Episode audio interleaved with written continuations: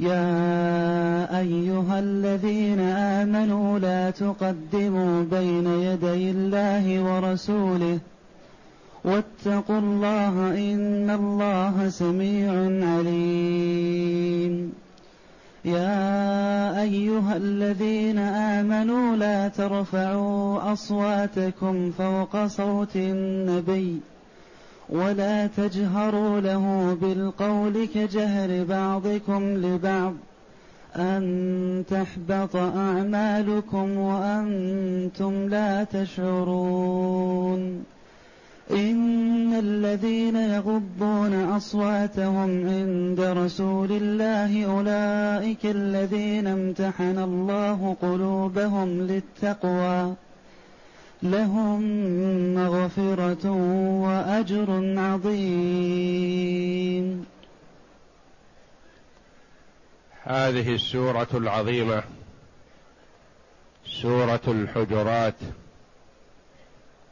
من السور المدنية والسور المدنية اصطلح العلماء رحمهم الله على أنها القرآن الذي نزل بعد هجرة الرسول صلى الله عليه وسلم من مكة إلى المدينة. يقال له مدني حتى ولو نزل بمكة أو في الأسفار أو خارج المدينة. وما نزل من القرآن قبل هجرته صلى الله عليه وسلم من مكة إلى المدينة يعتبر مكي حتى ولو نزل خارج مكة.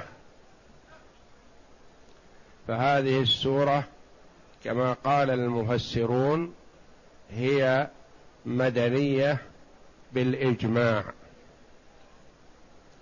وفي هذه السورة العظيمة يؤدب الله جل وعلا عباده المؤمنين ويعلمهم كيف يتأدبون مع النبي صلى الله عليه وسلم لأنه يستحق التعظيم والتبجيل وليس كأحد منهم بل الله جل وعلا ميزه وفضله على سائر العباد.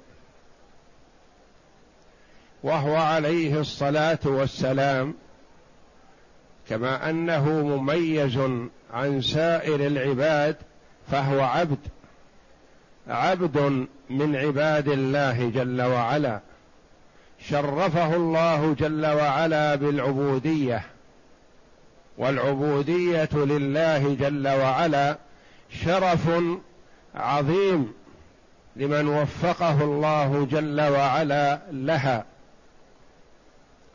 فهو جل وعلا وصفه بالعبودية في مواطن شريفة عظيمة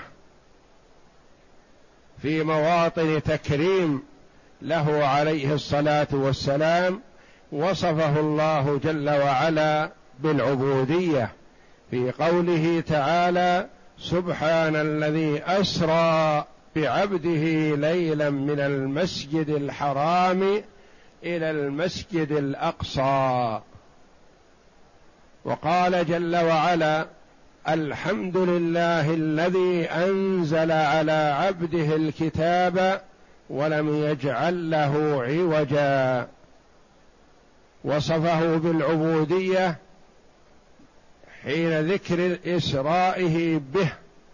ووصفه بالعبودية حين إنزال الكتاب عليه. وقال جل وعلا وأنه لما قام عبد الله يدعوه كادوا يكونون عليه لبدا. يدعوه في الصلاة. سماه عبدا وهو عليه الصلاة والسلام عبد لا يستحق شيئا من العبادة لأنه عبد والعبد لا يعبد. ورسول عليه الصلاة والسلام مرسل من عند الله جل وعلا لا يكذب بل يطاع ويتبع. ولا تتم شهادة أن لا إله إلا الله للعبد حتى يشهد أن محمدا رسول الله. وتحقيق شهادة أن محمدا رسول الله. طاعته صلى الله عليه وسلم فيما أمر. وتصديقه صلى الله عليه وسلم فيما أخبر والانتهاء عما عنه نهى وزجر وأن لا يعبد الله إلا بما شرع. فلا يسوغ لنا أن نعبد الله جل وعلا إلا بما شرعه لنا رسوله صلى الله عليه وسلم. لأنه هو المبلغ عن الله صلوات الله وسلامه عليه. وقال الله جل وعلا له قل إن كنتم تحبون الله فاتبعوني يحببكم الله. فالله جل وعلا أثبت محبته سبحانه لمن اتبع رسول الله صلى الله عليه وسلم ويلزم منه أنه لا يحب فلا يحب الله جل وعلا إلا من اتبع الرسول ومن لم يتبعه فلا يحبه الله وذلك بعد بعثته عليه الصلاة والسلام. فالله جل وعلا يعلم العباد في هذه الآيات الكريمات والمنادى بها بصفة الإيمان. فقد ناداهم بصفة الإيمان في مواضع متعددة في ثمانية مواضع في هذه السورة الكريمة. يا أيها الذين آمنوا ليستجيبوا لله إذا ناداهم بهذه الصفة. وكما قال عبد الله بن مسعود رضي الله عنه إذا سمعت الله يقول يا أيها الذين آمنوا فأرعها سمعك. فإنه إما خير تؤمر به أو شر تنهى عنه. هذا خطاب من الله جل وعلا لك ولسائر عباد الله المؤمنين. والعاقل إذا أتاه الخطاب من الله جل وعلا انتبه له واهتم له. يا أيها الذين آمنوا لا تقدموا لا تقدموا بين يدي الله ورسوله. قراءتان بفتح التاء والقاف. لا تقدموا. والقراءة الأخرى لا تقدموا بين يدي الله ورسوله. والقراءتان سبعيتان يعني من القراءات السبع. لا تقدموا بين يدي الله ورسوله واتقوا الله. إن الله سميع عليم. لا تقدموا بين يدي الله ورسوله. لا تتقدموا بين يدي الله ورسوله. بماذا؟ لا تق... لا ت... تقدموا بقول ولا فعل وإنما كونوا تبعا تبعا لأحكام الله جل وعلا الآتية من عنده سبحانه على لسان رسوله صلى الله عليه وسلم. والرسول عليه الصلاة والسلام كل ما أتى به من تشريع سواء كان في القرآن أو في السنة فهو مأمور به من الله جل وعلا لأنه عليه الصلاة والسلام كما وصفه ربه جل وعلا بأنه لا ينطق عن الهوى إن هو إلا وحي يوحى. وقال جل وعلا وما آتاكم الرسول فخذوه وما نهاكم عنه فانتهوا.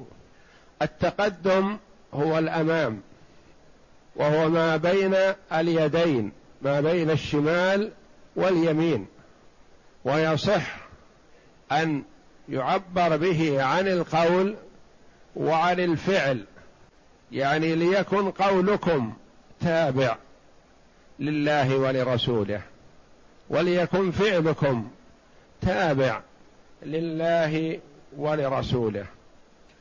يقال تقدم بين يدي فلان. جاء فلان تقدم بين يدي فلان. يعني كان أمامه. في تقرير ما يريده فلان مثلا من قول أو فعل أو توجيه أو نحو ذلك. فالله جل وعلا يقول لا تقدموا بين يدي الرسول. لا تأتوا بأقوال قبل أن يأتي الرسول صلى الله عليه وسلم بما يريد. ولا تفتاتوا على رسول الله صلى الله عليه وسلم فتقول الرسول يريد كذا أو يأمر بكذا وهو لم يأمر بهذا ولم يقله. واتقوا الله حذر صل جل وعلا عباده من الوقوع في الخطأ في التقدم بين يدي الله ورسوله. شيء لم يشرعه الله جل وعلا ولم يأمر به النبي صلى الله عليه وسلم لا تأتوا به ولا تقولوه واتقوا الله اجعلوا تقوى الله جل وعلا لكم وقاية من عذابه. احذروا الوقوع في المخالفة. فالمرء إذا خشي محذورا جعل وقاية. قال بعض السلف في إيضاح هذا المعنى الأمر بالتقوى قال إذا دخلت في مكان فيه شوك كيف تسير فيه؟ قال أتخذ وقاية تقيني الشوك. قال فكذلك تقوى الله. اتخذ وقاية تقيك معصيته ومخالفته. يعني لا تقرب من معصية الله فتقع في المخالفة. والله جل وعلا أمر بالتقوى في آيات كثيرة من كتابه. وقد يكرر جل وعلا الأمر بالتقوى في الآية الواحدة أكثر من مرة. كما في قوله جل وعلا يا أيها الذين آمنوا اتقوا الله ولتنظر نفس ما قدمت لغد واتقوا الله. أمر بتقواه في الآية مرتين. وقد فسرها العلماء رحمهم الله بتفسيرات كثيرة من أجمعها أن تعمل بطاعة الله على نور من الله رجاء ثواب الله وأن تترك معصية الله على نور من الله خوفا من عقاب الله. يعني تعمل الطاعة وأنت تعرف أنها طاعة لله وتعملها لله رجاء ثوابه وأن تترك المعصية لعلمك أنها معصية لله وما تركتها خوفا من الناس وإنما تركتها خوفا من عقاب الله واتقوا الله ثم بين جل وعلا من صفاته العظيمة التي تستوجب على العبد أن يتقيه. واتقوا الله. إن الله سميع عليم. سميع. يسمع أقوالكم. عليم بأحوالكم. لا تظن أنك إذا اختفيت عن أعين الناس لم يطلع الله عليك. لا. اتق الله تقوى من يؤمن بأن الله سميع عليم. سميع لا تخفى عليه خافية. يسمع جل وعلا دبيب النملة السوداء على الصخرة الصماء في ظلمة الليل ويبصر ذلك تعالى. سميع لأقوالكم. كانت خولة التي تكلم النبي صلى الله عليه وسلم في شأنها مع زوجها عند النبي صلى الله عليه وسلم تشتكي حالها مع زوجها وعائشة رضي الله عنها معهما هي ثالثة الاثنين. تقول عائشة سبحان الذي وسع سمعه الأصوات خوله تكلم النبي صلى الله عليه وسلم وإنه ليخفى علي بعض كلامها وهي جالسة ثالثة معهم. فأنزل الله جل وعلا والمرأة موجودة قد سمع الله قول التي تجادلك في زوجها وتشتكي إلى الله والله يسمع تحاوركما. إن الله سميع عليم. يعلم جل وعلا كل شيء. لا يخفى عليه شيء من أحوال خلقه. عليم بهم سبحانه وتعالى. فالمرء يعبد سميعا بصيرا. سميعا عليما. مطلع. على أحواله. وإذا آمن المرء بذلك إيمانا كاملا حقيقيا فقد نال أعلى الصفات التي يتصف بها المسلم. وذلك أن الصفات ثلاث صفة الإسلام فوقها صفة الإيمان فوقها واعلى منها صفة الإحسان. والإحسان كما فسره النبي صلى الله عليه وسلم أن تعبد الله كأنك تراه. فإن لم تكن تراه فإنه يراك. تؤمن وتعتقد وتجزم بأن الله جل وعلا مطلع عليك. وتعبده عبادة من هو مؤمن موقن بهذا. تعبد الله كأنك تراه فإن لم تكن تراه فإنه يراك. وذلك أن العبد لا يرى الله جل وعلا في الدنيا وإنما يراه المؤمنون في الدار الآخرة في الجنة. واتقوا الله إن الله سميع عليم. فهو جل وعلا موصوف بصفات الكمال السمع والعلم وغيرهما من الصفات التي وصف الله جل وعلا بها نفسه أو وصفه بها رسوله صلى الله عليه وسلم. منزه جل وعلا عن صفات النقص والعيب. فنصف ربنا بما وصف به نفسه أو وصفه بها به رسوله. ولا نقترح صفات لله جل وعلا من عندنا. لا. نتوقف على ما ورد. فالإثبات تفصيلي. هذا معنى قول السلف. الإثبات تفصيلي. يعني لا نثبت إلا ما ثبت. لا نثبت شيئا بالإجتهاد.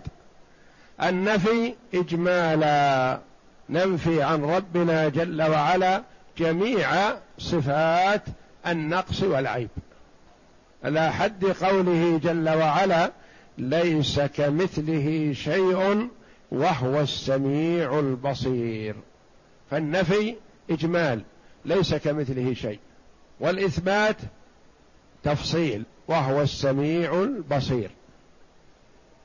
وإثبات صفات الله جل وعلا واجب وهو النوع الثالث من أنواع التوحيد الثلاثة وهي توحيد الربوبية وتوحيد الألوهية وتوحيد الأسماء والصفات. توحيد الربوبية أن نوحد الله جل وعلا بأفعاله يعني الخالق الرازق المحيي المميت المتصرف في الكون. توحيد الألوهية أن نوحد الله جل وعلا في عباداتنا في أفعالنا. فتكون لله وحده لا شريك له. توحيد الأسماء والصفات أن نوحد الله جل وعلا بأسمائه الحسنى وصفاته العلى. ونثبتها لله كما أثبتها لنفسه وأثبتها له رسوله صلى الله عليه وسلم من غير تشبيه ولا تمثيل ولا تحريف ولا تعطيل. لا نعطل ربنا من صفاته ولا نشبه صفات الله بصفات خلقه. واتقوا الله إن الله سميع عليم.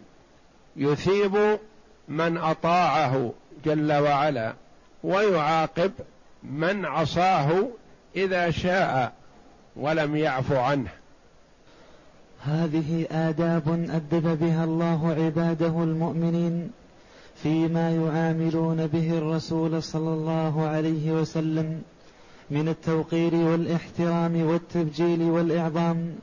فقال يا أيها الذين آمنوا لا تقدموا بين يدي الله ورسوله واتقوا الله أي لا تسرعوا في الأشياء بين يديه أي قبله بل كونوا تبعا له في جميع الأمور حتى يدخل في عموم هذه الآداب الشرعي. حديث معاذ إذ قال له النبي صلى الله عليه وسلم حين بعثه إلى اليمن بم تحكم؟ قال بكتاب الله. قال فإن لم تجد قال بسنة رسول الله. قال فإن لم تجد قال أجتهد رأيي. فضرب في صدره وقال الحمد لله الذي وفق رسول رسول الله لما يرضي رسول الله. فمعاذ رضي الله عنه لما بعثه النبي صلى الله عليه وسلم إلى اليمن معلما وداعيا وأميرا رضي الله عنه وأرضاه وحاكما بينهم قال له بما تحكم؟ بما تحكم؟ ومعاذ رضي الله عنه من علماء الصحابة الأجلاء رضي الله عنهم وأرضاهم. وهو الذي قال عنه النبي صلى الله عليه وسلم يحشر أمام العلماء برتوة يعني يتقدم على العلماء رضي الله عنه وأرضاه. وهو الذي قال عنه عليه الصلاة والسلام أعلم أمتي بالحلال والحرام معاذ بن جبل. فهو عليه الصلاة والسلام أرسله إلى اليمن عن علم بحاله رضي الله عنه. هو عالم. قال له بما تحكم؟ ما قال أجتهد رأيي وأحكم بما يظهر لي أنه الحق. لا. بما تحكم؟ قال بكتاب الله. اولا وقبل كل شيء بكتاب الله. ما أخرج عنه. قال فإن لم تجد ما جاءتك قضية ما وجدت لها دليلا من كتاب الله. ماذا تعمل؟ قال بسنة رسول الله صلى الله عليه وسلم قال فإن لم تجد ما وجدت سنة ما سمعت مني قولا في هذا الموضوع بما تحكم؟ قال أجتهد رأيي ولا آلو ما أقصر. فسر النبي صلى الله عليه وسلم بهذا الجواب من معاذ وضرب صدره وقال الحمد لله الذي وفق رسول رسول الله لما يرضي رسول الله. لأنه هو معاذ يعتبر رسول رسول الله. يعني أرسله رسول الله صلى الله عليه وسلم. فمعاذ رضي الله عنه طبق هذه الآية الكريمة. لا يتقدم بين يدي الله ورسوله. ما تجتهد في الحكم حتى تنظر في كتاب الله. فإن لم تجد تنظر في سنة رسول الله. فإن لم تجد اجتهد. والحاكم إذا اجتهد فأصاب فله أجران. وإن اجتهد وأخطأ فله أجر. ليس محروم له أجر. حتى مع الخطأ لأنه اجتهد رأيه. فالغرض منه أنه أخر رأيه ونظره واجتهاده إلى ما بعد الكتاب والسنة ولو قدمه قبل البحث عنهما لكان من باب التقديم بين يدي الله ورسوله. قال علي بن أبي طلحة وعن عائشة رضي الله عنها أنها قالت في هذه الآية الكريمة لا تصوموا قبل أن يصوم نبيكم. وأخرج البخاري رحمه الله في تاريخه عنها قالت كان أناس يتقدمون بين يدي رمضان بصيام يعني يوما أو يومين فأنزل الله هذه الآية. يعني لا تتقدموا قبل نبيكم صلى الله عليه وسلم بشيء ولا تفتاتوا على نبيكم. ولا تقدموا على ما شرعه الله جل وعلا بشيء. ائتوا بالمشروع ولا تتقدموا. قال علي بن أبي طلحة عن ابن عباس لا تقدموا بين يدي الله ورسوله لا تقولوا خلاف الكتاب والسنة. لا تقولوا خلاف الكتاب والسنة. شيء ورد في الكتاب والسنة احذر أن تخالفه وتقول هذا كذا وهذا كذا وهذا في لطافة للناس أو في سهولة أو في يسر. لا لست مشرع. ليكن رأيك تبعا للكتاب والسنة. احذر أن تحرم ما أحله الله جل وعلا في كتابه أو على لسان رسوله. واحذر أن تحلل ما حرمه الله جل وعلا في كتابه أو على لسان رسوله صلى الله عليه وسلم. وقد قال عليه الصلاة والسلام لا يؤمن أحدكم حتى يكون هواه تبعا لما جئت به. نفى الإيمان عمن كان له رأي يخالف الكتاب والسنة حتى يكون هواه تبعا لما جئت به. قيل لك هذا في كتاب الله قل على العين والرأس وخذ به. هذا في سنة رسول الله على العين والرأس. وقال العوفي نهى أن يتكلموا بين يدي كلامه.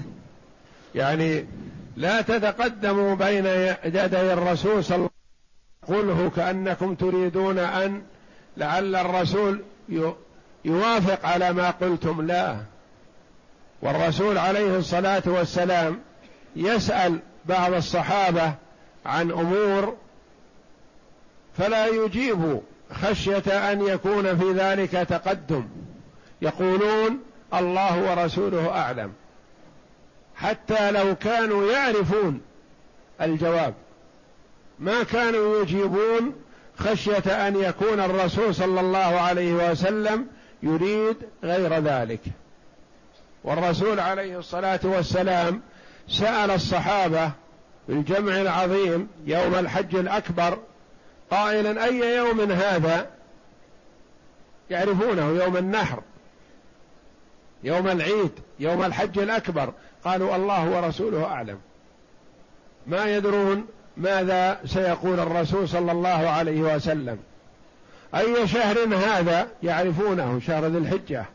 قالوا الله ورسوله أعلم. أي بلد هذا يعرفون مكة؟ البلد الحرام. قالوا الله ورسوله أعلم. فيسأل عليه الصلاة والسلام فلا يجيبوا بما يعرفون وإنما ينتظرون العلم منه صلى الله عليه وسلم. وقال مجاهد لا تفتاتوا على رسول الله صلى الله عليه وسلم بشيء حتى يقضي الله على لسانه. وكذلك من هذا الاقتراح أنه لا يحسن للمرء أن يقترح على الرسول صلى الله عليه وسلم في أمر يريد أن يقوله. الرسول عليه الصلاة والسلام يريد أن يقول قولا فيستعجل المرء ويقول أرى كذا يا رسول الله؟ لا.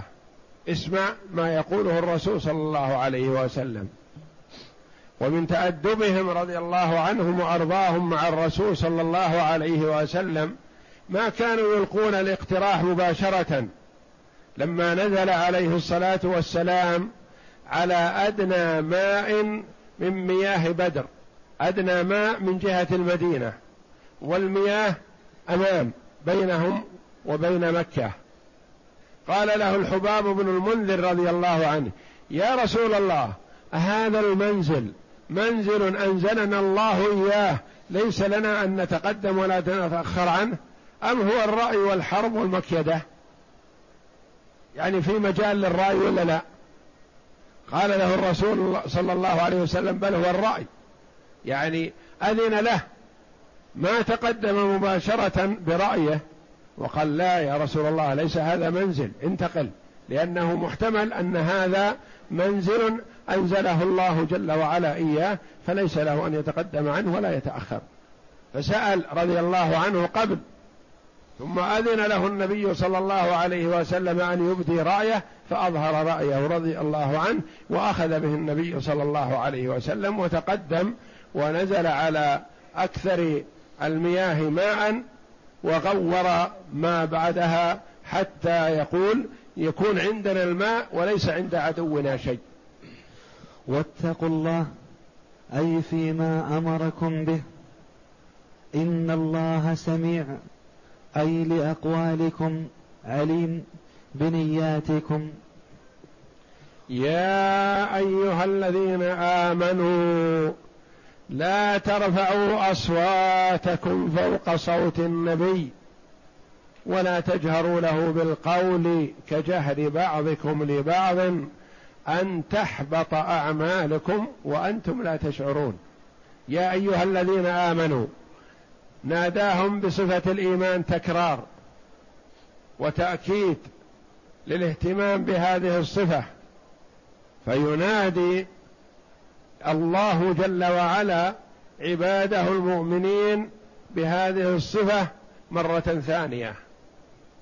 كما تقول لولدك مثلا يا ولدي اعمل كذا يا ولدي كذا يا ولدي كذا.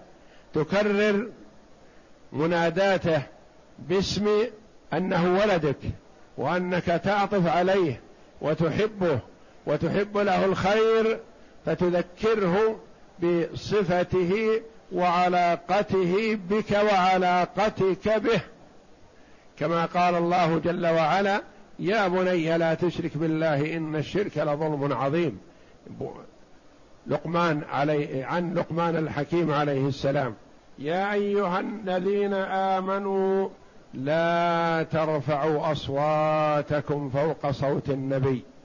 تلك الآية عامة في القول والفعل والاقتراح وفي أي شيء وهذه خاصة بالقول. لا ترفعوا أصواتكم فوق صوت النبي. ولا تجهروا له بالقول كجهر بعضكم لبعض. إذا كان النبي صلى الله عليه وسلم يتكلم فاحذر أن ترفع صوتك فوق صوته لأجل أن يغلب صوتك صوت النبي. لا. وإذا خاطبته فلا ترفع صوتك كما تخاطب أي واحد من الناس. لا. يكون بأدب. لا ترفعوا أصواتكم فوق صوت النبي. ولا تجهروا له بالقول كجهر بعضكم لبعض. لا تنادوه جهرا باسمه يا محمد أو يا أحمد. هذا يقوله اليهود ويقوله المشركون. الذين ينكرون صفة النبوة والرسالة له عليه الصلاة والسلام. أما أنتم أيها المؤمنون المؤمنون بهذه الصفة لا تنادوه باسمه وإنما قولوا يا رسول الله يا نبي الله. ولا تجهروا له بالقول كجهر بعضكم لبعض. أنت تجهر لأخيك أو تجهر حينما تكلم الناس لكن إذا كنت تكلم الرسول صلى الله عليه وسلم فتأدب معه. ولهذا فهم الصحابة رضي الله عنهم هذا المعنى فحلف أبو بكر رضي الله عنه قائلا والله لا أكلمك إلا كأخ السرار. يعني مثل ما أكلم في السر تادبا معه صلى الله عليه وسلم. وثابت ابن قيس بن شماس رضي الله عنه خطيب النبي صلى الله عليه وسلم. لما نزلت هذه الآية جلس يبكي وأغلق عليه داره. فأتاه أحد الصحابة مالك قال نزل على النبي صلى الله عليه وسلم آية. وأنا جهير الصوت فأنا أرفع صوتي وأخشى أن يكون حبط عملي فأنا من أهل النار. فلا أزال أبكي لهذا. ففقده النبي صلى الله عليه وسلم الذي من طيبه وكرمه وحسن معاملته لأصحابه يتفقد أحوالهم. أين ثابت بن قيس؟ فما وجد عنه خبرا من الحاضرين. فقال أحد الحاضرين أنا يا رسول الله أتيك بخبره. فذهب إليه فوجده. على هذه الصفة يبكي. فعاد إليه وأخبره. فقال عليه الصلاة والسلام هو من أهل الجنة ليس من أهل النار. فبشره بالجنة وقال ائت به فأتي به إلى النبي صلى الله عليه وسلم. فقال أما ترضى أن تعيش حميدا وتقتل شهيدا وتدخل الجنة؟ قال رضيت ببشارة الله ورسوله وسر بهذا رضي الله عنه. لأنه كان بعض الناس يكون من صفته جهير الصوت. صوته عالي. فيقول أنا من هذا النوع لأنه كان خطيب رضي الله عنه وأرضاه. كانت إذا جاءت الوفود وخطب خطيب الوفد أمر النبي صلى الله عليه وسلم ثابت بن قيس بن شماس أن يقوم فيرد عليه في خطبته. فتأثر رضي الله عنه من رفع صوته وخشي أن يكون حبط عمله. فبشره النبي صلى الله عليه وسلم فيقول أحد الصحابة نرى ثابت ابن قيس يمشي بيننا فنقول هذا رجل من أهل الجنة. وهذا علم من أعلام نبوته صلى الله عليه وسلم فقد بقي رضي الله عنه بعد النبي صلى الله عليه وسلم ثابت وقتل رضي الله عنه شهيدا في حروب اليمامة. لما انكشف بعض المسلمين لما لقوا من العدو نكالا وضربا وقتلا انكشف بعضهم. فلبس أكفانه رضي الله عنه وتحنط وتقدم إلى الصف وقاتل رضي الله عنه قتال الأبطال حتى استشهد رضي الله عنه وأرضاه. فهذا علم من أعلام نبوته صلى الله عليه وسلم أنه قال عن ثابت تقتل شهيدا يعني تموت بالشهادة ما تموت على فراشك. تعيش حميدة عيشة حميدة سعيدة هنيئة. يا أيها الذين آمنوا لا ترفعوا أصواتكم فوق صوت النبي. تاديب ولا تجهروا له بالقول كجهر بعضكم لبعض. ليست مخاطبتكم للنبي كمخاطبتكم لأي فرد من أفراد قومكم من أفراد الصحابة. لا. أن تحبط أعمالكم وأنتم لا تشعرون. خشية أن تحبط أعمالكم بهذا الفعل وأنت لا تشعر. لئلا تحبط أعمالكم لأنه كما ورد في الحديث إن الرجل يتكلم بالكلمة من رضوان الله لا يظن أن تبلغ ما بلغت يكتب الله جل وعلا له بها رضاه إلى يوم يلقاه. وإن الرجل والعياذ بالله لا يتكلم بالكلمة من سخط الله لا يظن أن تبلغ ما بلغت يهوي بها في النار سبعين خريفا والعياذ بالله. فالمرء قد يتكلم بالكلمة لأجل أن يضحك الناس أو لأجل أن يذكر عنه شيء والعياذ بالله يهوي بها في النار أبعد مما بين المشرق والمغرب. ولما أمر النبي صلى الله عليه وسلم معاذ بن جبل رضي الله عنه بشرائع الدين والاستمساك بها وبين له ما يلزمه. قال ألا أدلك على ملاك ذلك كله؟ اللي تملك فيه هذا الشيء كف عليك هذا. وأشار إلى لسان نفسه. يعني احبس لسانك عن الكلام الذي يضر. قال معاذ رضي الله عنه يا رسول الله وإنا لمواخذون بما نتكلم به. يعني نتكلم بكلام مزح وكلام عادي وكلام مهم وكلام مفيد وكلام غير مفيد. وإنا لمواخذون بما نتكلم به. قال ثكلتك أمك يا معاذ وهل يكب الناس في النار على وجوههم أو قال على مناخرهم إلا حصائد ألسنتهم يعني ما تحصده الألسنة من الكلام السيء. هذا الذي يكب الناس في النار على وجوههم.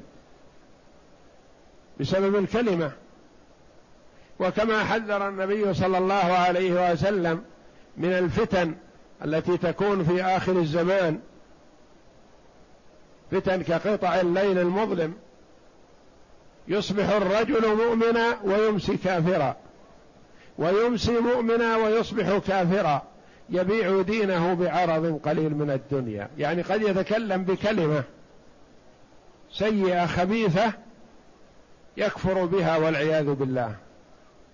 قد يتكلم بكلمة بقصد المدح لشخص لا يستحق أو بقصد سب من لا يستحق السب. أو بقصد أن يظهر نفسه. فيهوي بهذه الكلمة أبعد مما بين السماء والأرض في النار والعياذ بالله. أن تحبط أعمالكم وأنتم لا تشعرون. والحال أنكم لا تشعرون بذلك وإنما جئت بهذه الكلمة على سبيل المزح أو على سبيل الفكاهة. أو على سبيل التهكم أو على سبيل السخرية. المنافقون بين الله جل وعلا عن طائفة منهم أنهم كفروا بعد إسلامهم بكلام قالوه. حينما قال قائلهم ما رأينا مثل قرائنا هؤلاء؟ أرغب بطونا ولا أكذب السنا ولا أجبن عند اللقاء. يعنون النبي صلى الله عليه وسلم والصحابة معه. ما رأينا مثل هؤلاء قرائنا. فسمعها أحد الصحابة رضي الله عنهم فما استطاع أن يكتمها على النبي صلى الله عليه وسلم. فأخبر النبي بقولهم فجاء قائلهم يعتذر من النبي. حديث الركب يعني كنا نتحدث حديث يؤنس به بعضنا بعضا لإزالة أثر تعب السفر ونحو ذلك. فأنزل الله جل وعلا لا تعتذروا قد كفرتم بعد إيمانكم. هذا كفر وضلال أن يتهكم المرء بالنبي صلى الله عليه وسلم أو بالصحابة الكرام رضي الله عنهم وأرضاهم. فهم خيار الأمة بعد نبيهم. رضي الله عنهم وأرضاهم فمن أبغضهم فقد أبغض الله وأبغض رسوله صلى الله عليه وسلم لأن الله أحبهم ولأن الرسول صلى الله عليه وسلم أحبهم. أن تحبط أعمالكم وأنتم لا تشعرون. ليحذر المسلم الكلام أو الحكم على شيء غائب لا يدري عنه يدخل نفسه في الحكم عليه كأن يقول مثلا فلان مرائي أو فلان كذاب أو فلان كذا وهو ما رأى فلان ولا يدري عن حاله. وإنما يريد أن يقول مع الناس لا يا أخي ولا تقف ما ليس لك به علم إن السمع والبصر والفؤاد كل أولئك كان عنه مسؤولا. احذر أن تحكم على شخص أنت في عافية. أنت في عافية من أمره وما سئلت ولا يلزمك فتقحم نفسك وتتهمه بالنفاق أو بالرياء أو بكذا أو بكذا وأنت ما تدري عنه. هل شققت عن قلبه؟ لا. أن تحبط أعمالكم وأنتم لا تشعرون. رجل من الصالحين في عمله كما أخبر النبي صلى الله عليه وسلم. حلف قال والله لا يغفر الله لفلان. شخص مجرم قد يكون واقع في الخطأ. فقال الله جل وعلا من ذا الذي يتألى علي ألا أغفر لفلان؟ لقد غفرت لفلان وأحبطت عملك لأنك تحجرت واسعا تحجرت رحمة الله وحلفت على الله. ألا يغفر لفلان؟ لا. ما تدري ماذا يكون مصيره وماذا يكون مصيرك. قد يتوب ويستغفر ويرجع إلى الله جل وعلا وأنت يحبط عملك والعياذ بالله. ما تدري. اسأل الله جل وعلا العفو والعافية ولا تتألى على الله.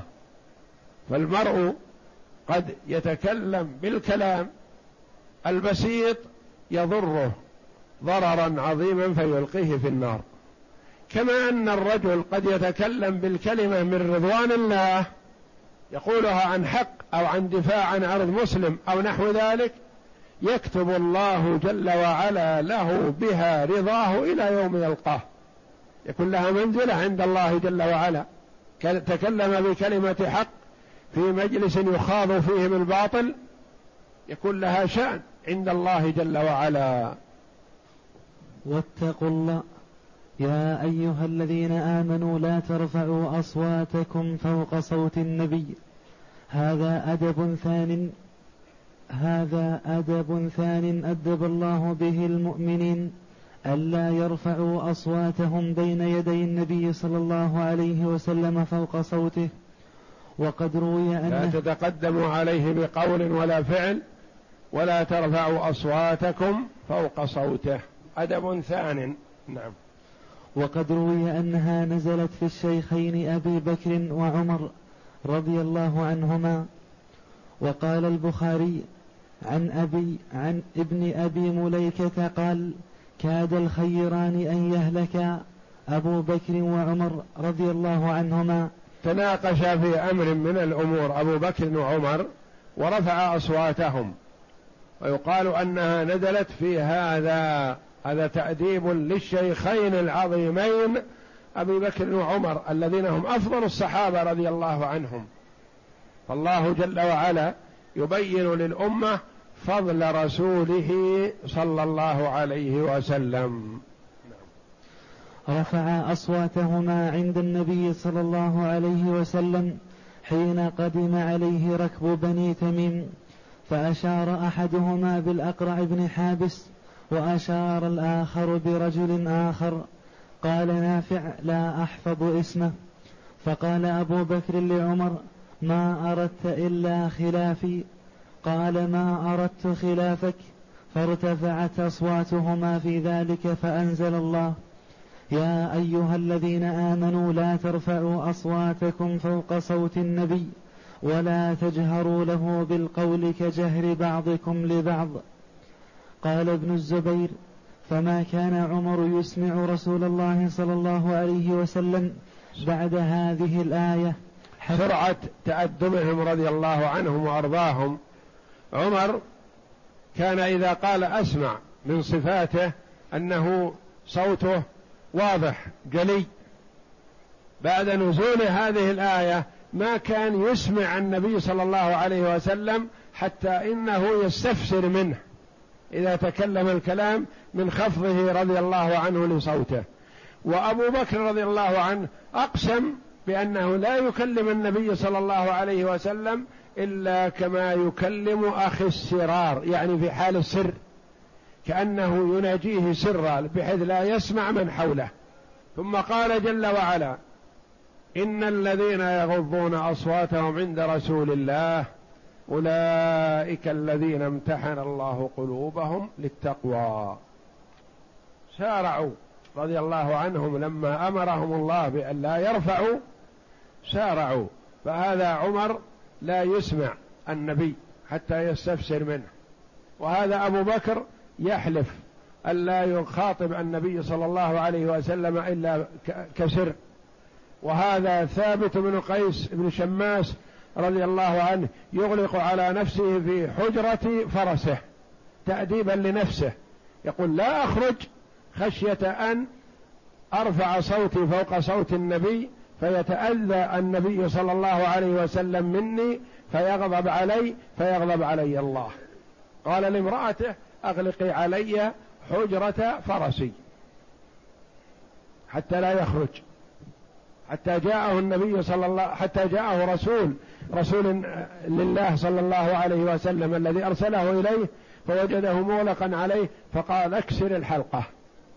ما يستطيع أن يطلع إلا بكسر الحلقة المغلقة عليه. اكسر الحلقة. فكسرها فخرج معه إلى النبي صلى الله عليه وسلم لما طلبه هؤلاء امتحن الله قلوبهم للتقوى. اختبرها وامتحنها. فحازوا الدرجات العلى. حازوا الدرجة الكاملة لتأدبهم مع رسول الله صلى الله عليه وسلم. إن الذين يغضون أصواتهم عند رسول الله أولئك الذين امتحن الله قلوبهم. اختبرها فوجدها متقية صالحة. للتقوى. اللام هذه يعبر عنها العلماء رحمهم الله بلام الصيرورة يعني امتحنهم من أجل أن يصيروا تقاة أتقياء. أولئك الذين امتحن الله قلوبهم للتقوى. لهم مغفرة يغفر الله جل وعلا لهم ما سلف من ذنوبهم. وأجر عظيم ثواب عظيم جل وعلا لأن العبد قد يكون له حسنات عظيمة لكن قد يكون في المقابل له سيئات. فتفني سيئاته حسناته. فما يبقى له شيء وهذا المفلس من أمة محمد صلى الله عليه وسلم. لكن هؤلاء الذين امتحن الله قلوبهم للتقوى ما جعل الله جل وعلا سيئات في مقابلة حسناتهم بل غفر السيئات. فضلا منه وإحسان وأعطاهم الثواب على الحسنات. غفر السيئات وأثاب على الحسنات. بخلاف حال المفلس الذي عبر عنه النبي صلى الله عليه وسلم يسأل الصحابة رضي الله عنهم أتدرون من المفلس؟ قالوا المفلس فينا من لا درهم له ولا متاع ما عنده شيء. قال لكن المفلس من أمتي من يأتي بصلاة وصيام وأعمال صالحة ثم يأتي وقد شتم هذا وضرب هذا وسفك دم هذا وأخذ مال هذا فيؤخذ لهذا من حسناته وهذا من حسناته وهذا فإن فنيت حسناته ولم يقضم عليه أخذ من سيئات فطرحت عليه فطرح في النار والعياذ بالله. هذا المفلس يأتي بحسنات عظيمة لكن سلط لسانه وسلط يده وسلط رجله فكان رجله تمشي في الباطل ولسانه يتكلم في الباطل ويده تمتد إلى الباطل. فأفنت حسناته كلها والعياذ بالله. وإن جاء بحسنات أمثال الجبال كما في بعض الروايات. حسنات عظيمة لكن ما سلم الناس منه. فتفنى حسناته مقابل السيئات الذي أتى بها. يأخذها الناس يأخذها الغرماء. كالمدين مثلا الذي بين يديه أموال وعليه ديون كثيرة. فالغرماء يأخذ الأموال الذي بين يديه فيبقى مفلس. أن تحبط أعمالهم وأن أن تحبط أعمالكم وأنتم لا تشعرون. أي إنما نهيناكم عن رفع الصوت عنده خشية أن يغضب من ذلك. فيغضب الله لغضبه. فيحبط الله عمل من أغضبه وهو لا يدري. كما جاء في الصحيح في الصحيح أن الرجل ليتكلم بالكلمة من رضوان الله لا يلقي لها بالا يكتب لها بها الجنة وأن الرجل ليتكلم بالكلمة من سخط الله لا يلقي لها بالا يهوي بها في النار أبعد ما بين السماوات والأرض. ثم ندب وهي كلمة كلمة وربما قالها لأجل أن يضحك الناس. قالها مستهزئا أو ساخرا من أجل أن يضحك الحاضرين والعياذ بالله. فيهوي بها في النار أبعد مما بين السماء والأرض يعني في قعر النار والعياذ بالله. وهل يكب الناس في النار على وجوههم أو قال على مناخرهم إلا حص